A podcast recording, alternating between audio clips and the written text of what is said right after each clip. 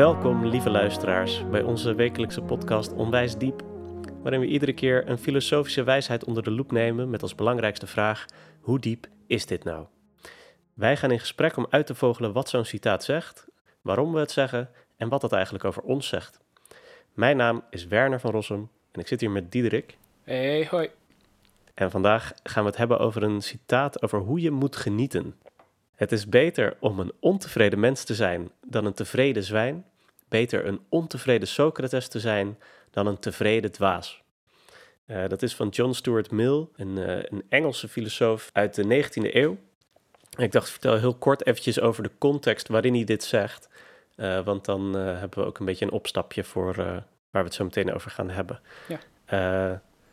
Dus John Stuart Mill, filosoof uit de 19e eeuw en um, vooral bekend als voorvechter van het utilisme of utilitarisme.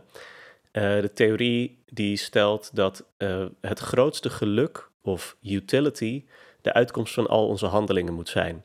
dus dan vraag je wanneer is iets goed, wanneer doe ik iets goeds? En de antwoord is dan van het utilisme wanneer het geluk of nut oplevert. en nou ja, vanaf dat moment gaat natuurlijk de discussie over wat dat nut en wat dat geluk dan eigenlijk zou moeten zijn. En dan is het wel goed om iets te weten over de voorganger van Mill. Dat is toevallig ook zijn peetoom, uh, Jeremy Bentham. En uh, Bentham heeft nut gedefinieerd als genot. En daarmee wordt het dus iets, een soort natuurwetenschappelijke vraag. Het is meetbaars. Precies. Het wordt een, ja, het wordt een, een vraag van, van meetbaarheid van hoe goed iets is. Dat is gewoon hoeveel genot het oplevert. Ja. En dat genot, dat is dan uh, alles wat je aan organismen kunt zien waar ze vanzelf naartoe gaan. Uh, dus uh, dat je de warmte opzoekt als je het koud hebt, of dat je houdt van knuffelen of zo, of, of dat je er bepaalde genotskreetjes van gaat doen. Dat is waaraan je ziet dat iets geluk aangeeft. En dat is dus wat we ook zoveel mogelijk moeten nastreven. Dus Bentham die zegt, genot, dat is gewoon wat je lekker voelt. en ja, dan kan je natuurlijk rekenen op een hoop kritiek. Zo van, ja, dan zet je de mens wel neer als een soort van, als een soort hedonistisch genotsverslaafd laag wezen. Dan ben je net als een zwijn. En de reactie daarop is dan weer dit citaat van John Stuart Mill.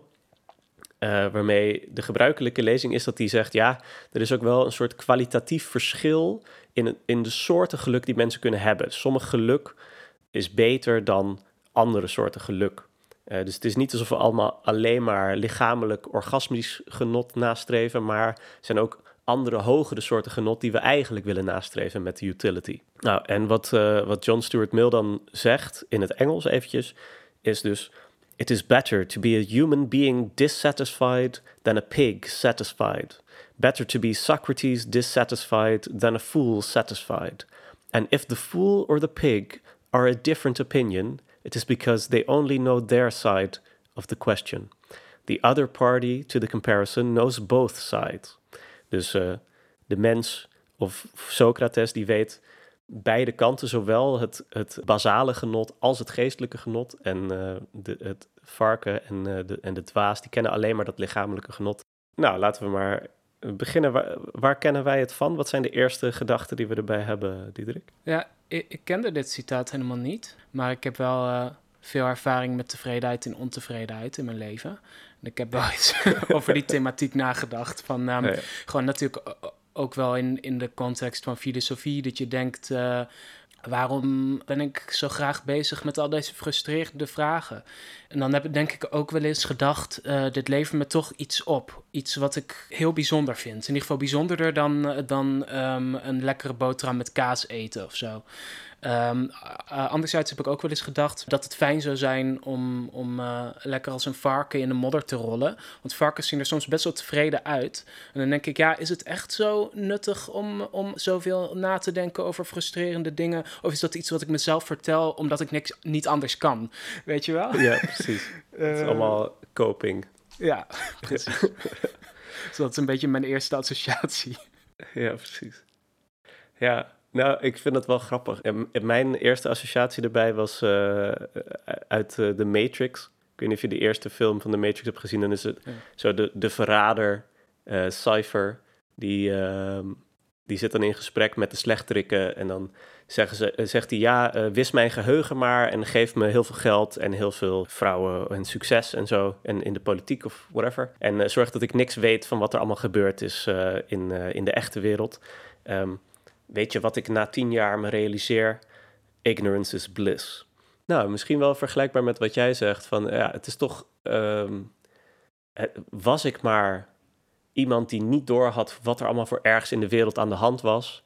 Want dan zou ik tenminste gelukkig zijn. Een beetje zo'n soort uh, ding. Uh, misschien niet zozeer het filosofische piekeren of zo, maar wel zeg maar, slecht nieuws of zo. Er zijn ook genoeg mensen die dan om die reden het nieuws niet kijken, omdat dat ze depressief maakt of zo. Ja. het is beter om er, om er niet van te weten dan om het wel te weten en dan eigenlijk niks te kunnen en daar dan weer ongelukkig van te worden. Ja, precies. Zeker, zeker als we het hebben over dingen waar je toch niks aan kan doen, of waarvan je het gevoel hebt dat je er toch niks aan kan doen, um, dan denken mensen vaak ignorance is bliss. En daar zit misschien dan ook wel, als je daadwerkelijk niks kan doen, zit er ook wel wat in. Uh, maar goed, eigenlijk, dat is iets wat we gaan onderzoeken vandaag. Ja, ja precies. Oké, nou laten we erin duiken ontevredenheid of tevredenheid. Wat, wat is dat eigenlijk, uh, Diederik? Um, ja, nou, ik noemde net ook al het woord frustratie. Ik, ik zat een beetje te dubben over wat, uh, wat mail hiermee bedoelt en hoe ik dit lees. Want ik heb altijd geleerd dat tevredenheid in principe goed is. Um, dat tevredenheid hm. iets is waar je eigenlijk altijd naar streeft. En dan, en dan ben ik geneigd om te zeggen, er is ook zoiets als ongemak. Allerlei vormen van frustratie waarvan ik wel zou zeggen, die zijn belangrijk of onvermijdelijk. En, uh, maar ja, ik denk dus tevredenheid. Dat is zeg maar het, het doel uh, op zich. Iets dat niet tot hm. voor iets anders dient. Zodat van het goed. Nou ja, dus ik denk wel dat er wat in zit. als je zegt tevredenheid, dat heeft te maken met een soort gebrek dat je eerst ervoer, een verlangen dat je hebt als een soort van leegte in jezelf. Soms letterlijk dat je honger hebt of zo. Dat er is een leegte in je maag en dan ben je tevreden op het moment dat je aan het eten bent.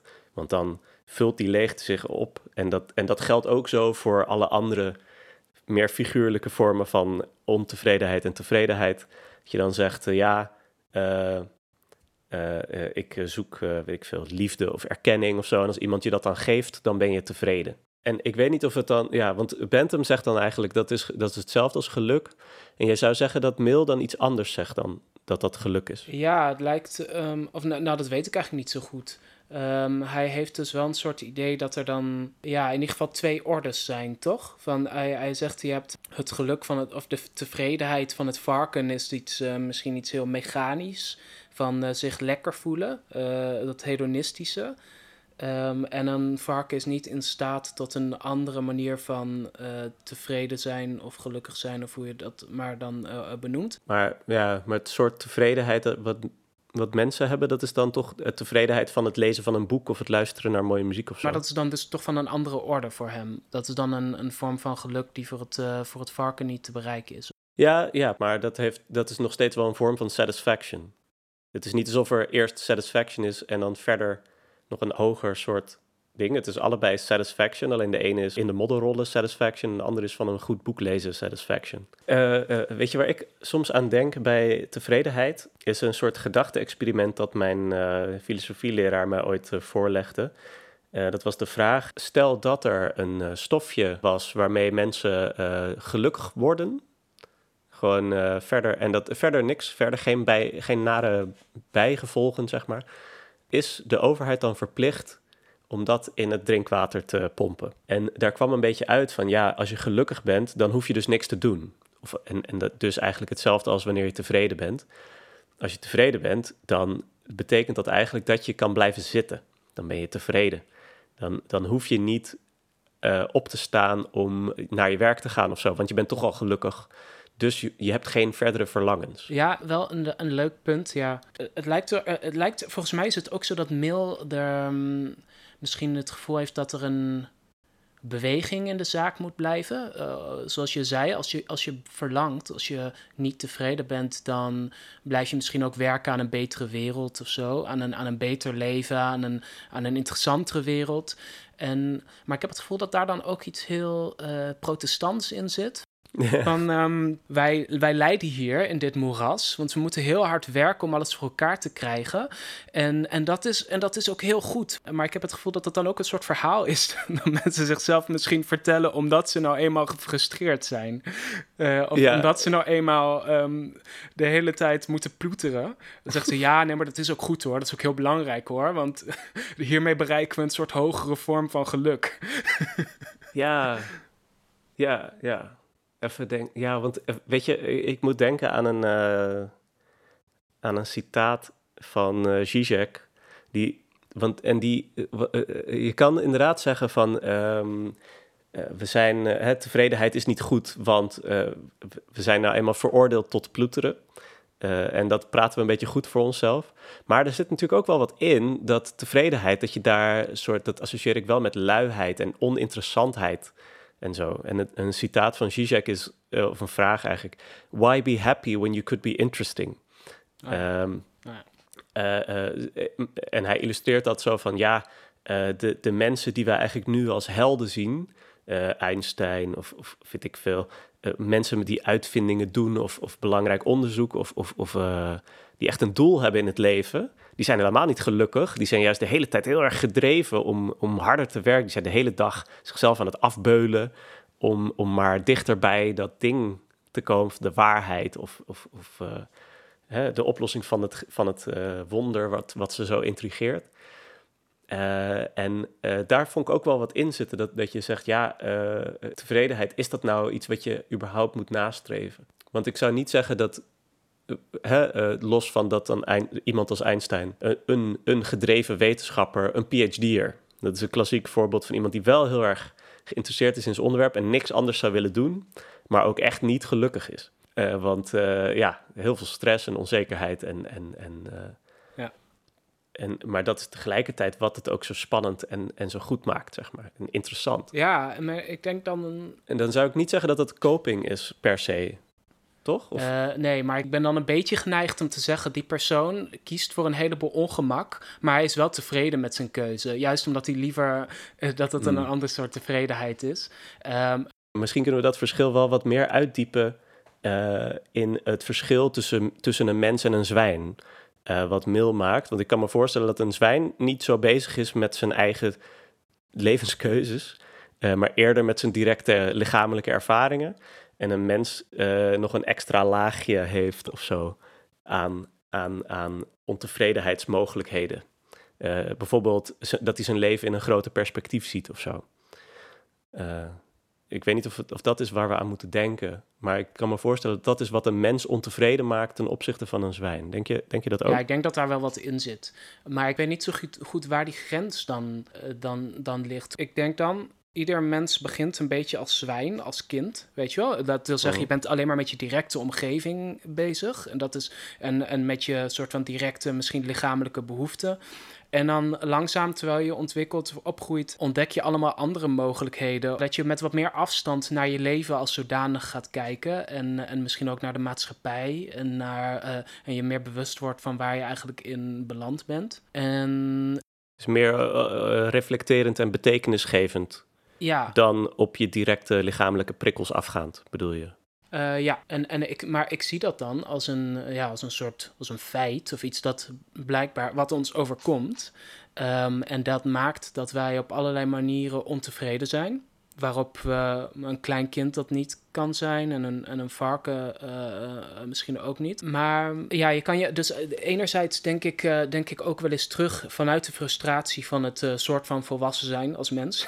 denk ik natuurlijk wel eens terug aan het, aan het kind zijn of aan het varken zijn. En dan denk ik van, oh, dat zou, zou misschien ook wel lekker zijn om weer eens niet al die reflectieve vormen van ontevredenheid te hebben. Maar je kan je ook afvragen of dat niet een beetje romantisch is voorgesteld. Ik bedoel, ik denk ook wel eens een kind of een varken wordt misschien meer gedomineerd door die directe wereld en die directe verlangens en vormen van geluk. Maar daar staat misschien ook tegenover dat het leed daardoor veel, um, uh, veel totaler is. Zeggen dat, dat uh, het reflectieve van de volwassen mens maakt het misschien ook weer makkelijker om te relativeren wat je, wat je overkomt. Ja, precies. Je bent als kind ben je eigenlijk zorgeloos, mhm. maar ook benulloos. Je hebt ook geen idee dat de pijn die je nu ervaart weer overgaat.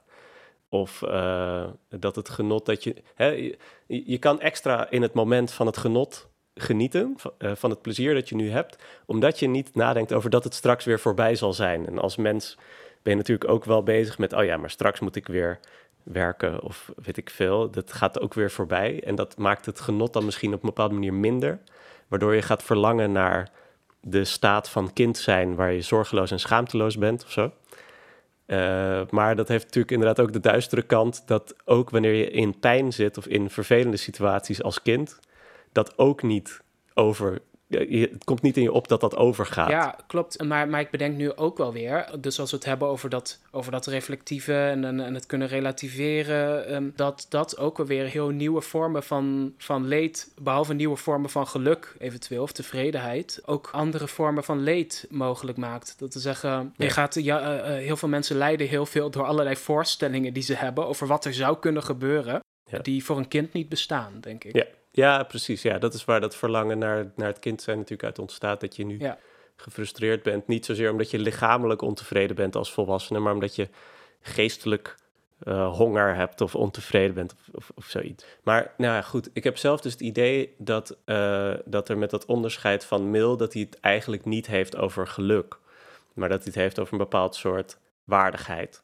Uh, ja. die erbij zit. Ik denk ook dat de mensen die, die uh, dan wel of niet ervoor kiezen om in de modder te gaan liggen, dat zijn mensen met of zonder waardigheidsgevoel over zichzelf. ja, precies. um, van je bent leeft als een varken. Je leeft als een varken, dat is blijkbaar iets negatiefs. Uh, en blijkbaar trekt Mill zich dat ook aan, omdat het een soort van belediging is. en het is niet, heeft niet zoveel te maken met ho hoeveel geluk je dan wel of niet hebt als varken. Volgens mij heeft het gewoon te maken met of we varkens respecteren of niet. Net ja. zoals we mensen respecteren. Uh, of dat je jezelf niet respecteert op het moment dat je jezelf alleen maar vol propt met eten en zo. Um, en uh, nou, dat blijkt denk ik wel duidelijks uit uh, wat hij daarna zegt natuurlijk. Een mens en, een, en een zwijn, dat is eigenlijk een beetje hetzelfde soort verhouding als Socrates heeft tot een dwaas. En een, een dwaas, dat is overduidelijk, heeft dat een soort negatieve connotatie. Van ja, iemand die, die niet nadenkt, uh, die niet verder, verder kijkt dan zijn neus lang is. Iemand die zijn oordeel misschien altijd al klaar heeft, maar eigenlijk maar een kind is op een, op een manier die niet zo onschuldig is. Wel interessant dat hij dan eerst zegt, uh, ja, mensen en zwijnen, ja, mensen zijn overduidelijk soort, hebben een hoger soort capaciteit tot genot dan een zwijn, want dat is een lager soort dier. En onder mensen is dat blijkbaar ook zo. Dat er sommige mensen die zijn eigenlijk een soort zwijnen ten opzichte van andere mensen. Uh, dat er zo'n hiërarchie in aangebracht wordt, wel een beetje kriegelig word ik daarvan. Terwijl hij het dan toch blijkbaar wel weer kwantitatief opvat tot op zekere hoogte. Dus niet in de zin van dat, je, dat bijvoorbeeld sommige mensen worden geboren als dwaas en sommige mensen als, als filosoof of als Socrates. Maar meer dat we in principe allemaal mensen zijn. En een dwaas kan in principe een Socrates worden. Toch? Dat, dat zegt hij wel. Van als hij wat meer zou. Hij zou gewoon wat meer het comfort moeten verlaten of zo. Ja, misschien zijn we allemaal wel dwazen geweest ooit, toen we jong waren of zo. Maar er zijn mensen die hebben het nu uh, het hogere leven ontdekt. En die kiezen er natuurlijk voor om dat hogere leven te hebben. Uh, maar de vraag is natuurlijk wel, want ik heb wel het idee dat die mensen uh, die zo graag een boekje lezen uh, in plaats van in de modder spelen. Dat heb ik trouwens nu zelf ook. Als ik, als ik, als ik uh, door de stad fiets, dat ik dan studenten buiten zie die dan een beetje lam zijn. Dat ik denk, goh, jeetje, wat een, wat een laag soort plezier. terwijl ik zelf natuurlijk dat op, op het moment dat ik zelf 1920 was, super interessant vond. En, heel, en ook echt het leukste, leukste soort dingen waar, waar al die pretentieuze oude saaie mensen die hun boekjes lezen, die uh, snapten dat gewoon niet of die waren dus saai. En uh, wat Mill geloof ik zegt is, ja, de mensen die allebei die zaken hebben ervaren, die zowel vroeger hebben gezopen als nu een boekje lezen, die kiezen toch voor het boekje lezen. En volgens hem is dat een teken dat, het, dat er dus een hoger soort tevredenheid of een hoger soort geluk is. Terwijl... Uh, nou ja, ik denk dus dat het eerder of iets met waardigheid te maken heeft, of dat het toevallig is dat je het aan, aan de oude mensen vraagt, die liever een beetje rustig aan doen. En uh, dat dat meer met hun situatie te maken heeft dan met hun uh, geestelijke capaciteiten of zo. En dat, uh, ja, dat het natuurlijk een filosoof is, dat een bepaald klimaat die, um, die bepaalt, die een soort hiërarchie van de geneugten maakt en zegt, nou, toevallig is wat ik doe toch wel de, de, de, de meest gelukzalige of, of de op de beste manier frustrerende.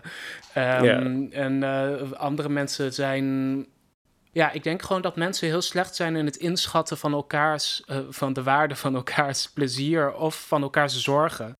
Het is maar net aan wie het vraagt. Want dat is het, het woordje dat eigenlijk het, heel veel heavy lifting doet in het, in het citaat. Uh, hij zegt: Het is beter om een ontevreden mens te zijn dan een tevreden zwijn. Beter een tevreden Socrates dan een tevreden dwaas. Maar wat dat beter dus uiteindelijk behelst is: ja, ik heb het mensen gevraagd en zij kiezen voor het ene en niet voor het andere. Dus dat is hetzelfde als dat het beter is. Ja, dat is toch gek. Want ik dacht ook daarbij, als je dan um, aan uh, profvoetballers vraagt van uh, wat doe je het liefst? Dan zeggen ze ja, voetballen. Voetballen is het belangrijkste in mijn leven. En, en als je vraagt, dan zou je op een andere manier gelukkig willen zijn? Nee, nee, ik wil voetballen. Conclusie, eigenlijk zou iedereen moeten voetballen, want dan bereiken ze, weet je wel, ja, wij, wij kennen die, die levensstijl ook helemaal niet. Uh, aangezien wij zelf allemaal geen profvoetballers zijn. En daarom Precies verkiezen wij dat ook niet. Maar als we dat wel zouden kennen, dan zouden we absoluut profvoetballer zijn. Ja, profvoetballers kennen beide, beide zijden van de munt. Hè. Die kennen en het, het genot van in, het, in de niet voetbalwereld leven, maar ook die van in de voetbalwereld leven. Ja, ja, precies. En uh, ja, dat is iets wat wij daardoor gewoon niet snappen zoals zij. Ja, maar ja, volgens mij is dat wel waarbij het citaat dus uh, valt eigenlijk bedoelt Mill helemaal niet dat er een hogere soort geluk is. Hè? Dat er een kwalitatief onderscheid is tussen soorten geluk, lichamelijk of geestelijk. Uh, het zijn allebei dingen die we, die we wel eens meemaken, zeg maar. Maar eigenlijk bedoelt hij dat het leven van een mens dat uh, zich aan allerlei lichamelijke behoeften vergooit, minder waard is of minder waardig wordt geacht door eigenlijk iedereen die die heeft geïnterviewd dan uh, het leven van iemand die een boekje leest. Hij, hij bevestigt eigenlijk alleen maar de stereotypen van ja, wij vinden mensen die een boekje lezen een soort interessantere of, of intelligente soort mensen dan mensen die uh, graag naar de kermis gaan of weet ik veel. Maar nou ja, ik weet niet. Dus ik vind het eigenlijk vooral, het citaat is vooral een soort bevestiging, een symptoom, een, een weerklank van een elitaire houding van een stel intellectuelen. Die van zichzelf vinden dat zij heel goed weten hoe je gelukkig moet zijn. Ook al zijn ze eigenlijk ongelukkig. Want het is beter om eh, een ontevreden intellectueel te zijn dan een tevreden dwaas. Uh, want ik, maar ik weet het wel beter. Ja. Dat is mijn uh, eindoordeel, denk ik. Ben jij het ermee eens? Uh, nee. Ik zou sowieso het hele woord beter weglaten. Ik denk niet dat het... het is beter om, om een ontevreden mens te zijn dan een tevreden zwijn. Ik zie niet zo goed waarom dat beter zou zijn. Als je me vraagt, is het goed of belangrijk om uh, in je leven ontevreden te zijn met dingen, weet ik eigenlijk nog steeds niet of ik zou zeggen ja. Ik denk niet dat het belangrijk is of goed, weet je wel. Uh, het beter, daar zit een waardeoordeel in, van, of een norm van oké, het is goed om, om ontevreden te zijn of het is beter om ontevreden te zijn. Terwijl ik denk, uh, we zijn gewoon ontevreden. En dat is meer een soort conditie.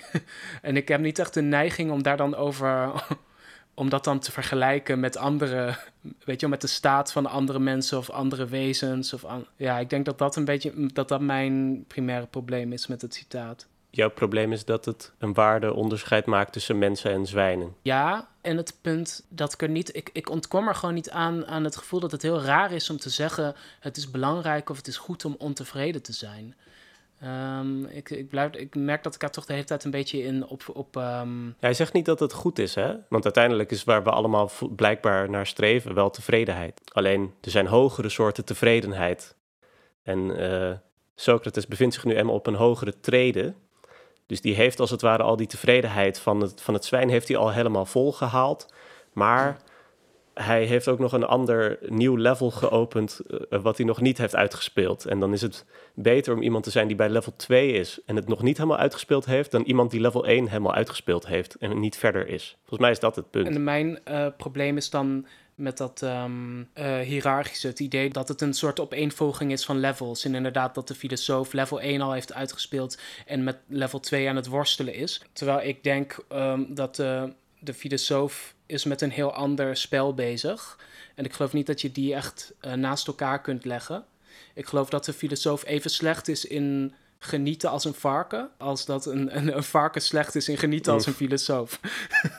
Mogen we dit blijven zeggen dan? Nee, ja, ik, ik vind het. Ik weet ook niet of ik, ik weet ook niet of mensen dit zeggen, maar volgens mij niet. Ze zeggen het volgens jou niet, of ze mogen het niet Eh, zeggen? ik denk dat ze het niet zeggen en dat ze het ook niet mogen zeggen.